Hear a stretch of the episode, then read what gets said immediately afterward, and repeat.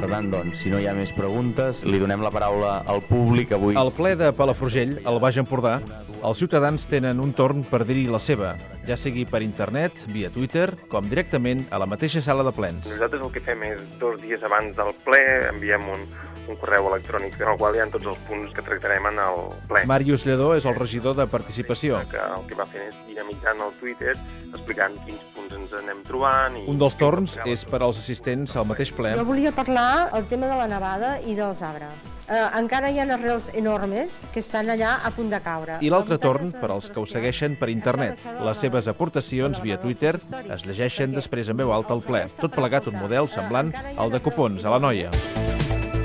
Aquí tot el dia via Facebook, on els veïns porten més de 3 anys debatent. L'espai que han generat més debat han sigut els referents a l'escola. L'actual promotor és el regidor de Noves Tecnologies i Comunicació, Ricard Espelt.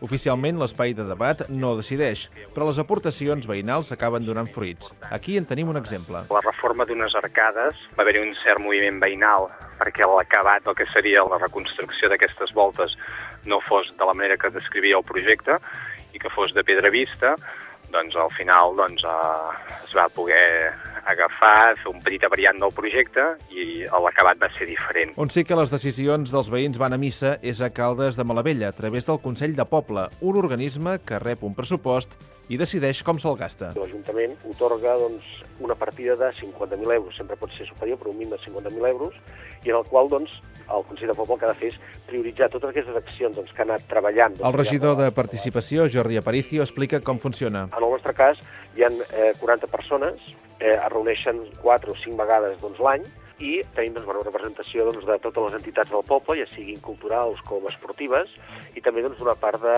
persones físiques a títol individual. Un d'aquests veïns a títol individual és en Xavier Uller. El Consell de Poble no és un òrgan reivindicatiu, sinó tot el contrari, és un lloc per reflexionar i fer propostes, a vegades molt petites, no cal que siguin de grans imports.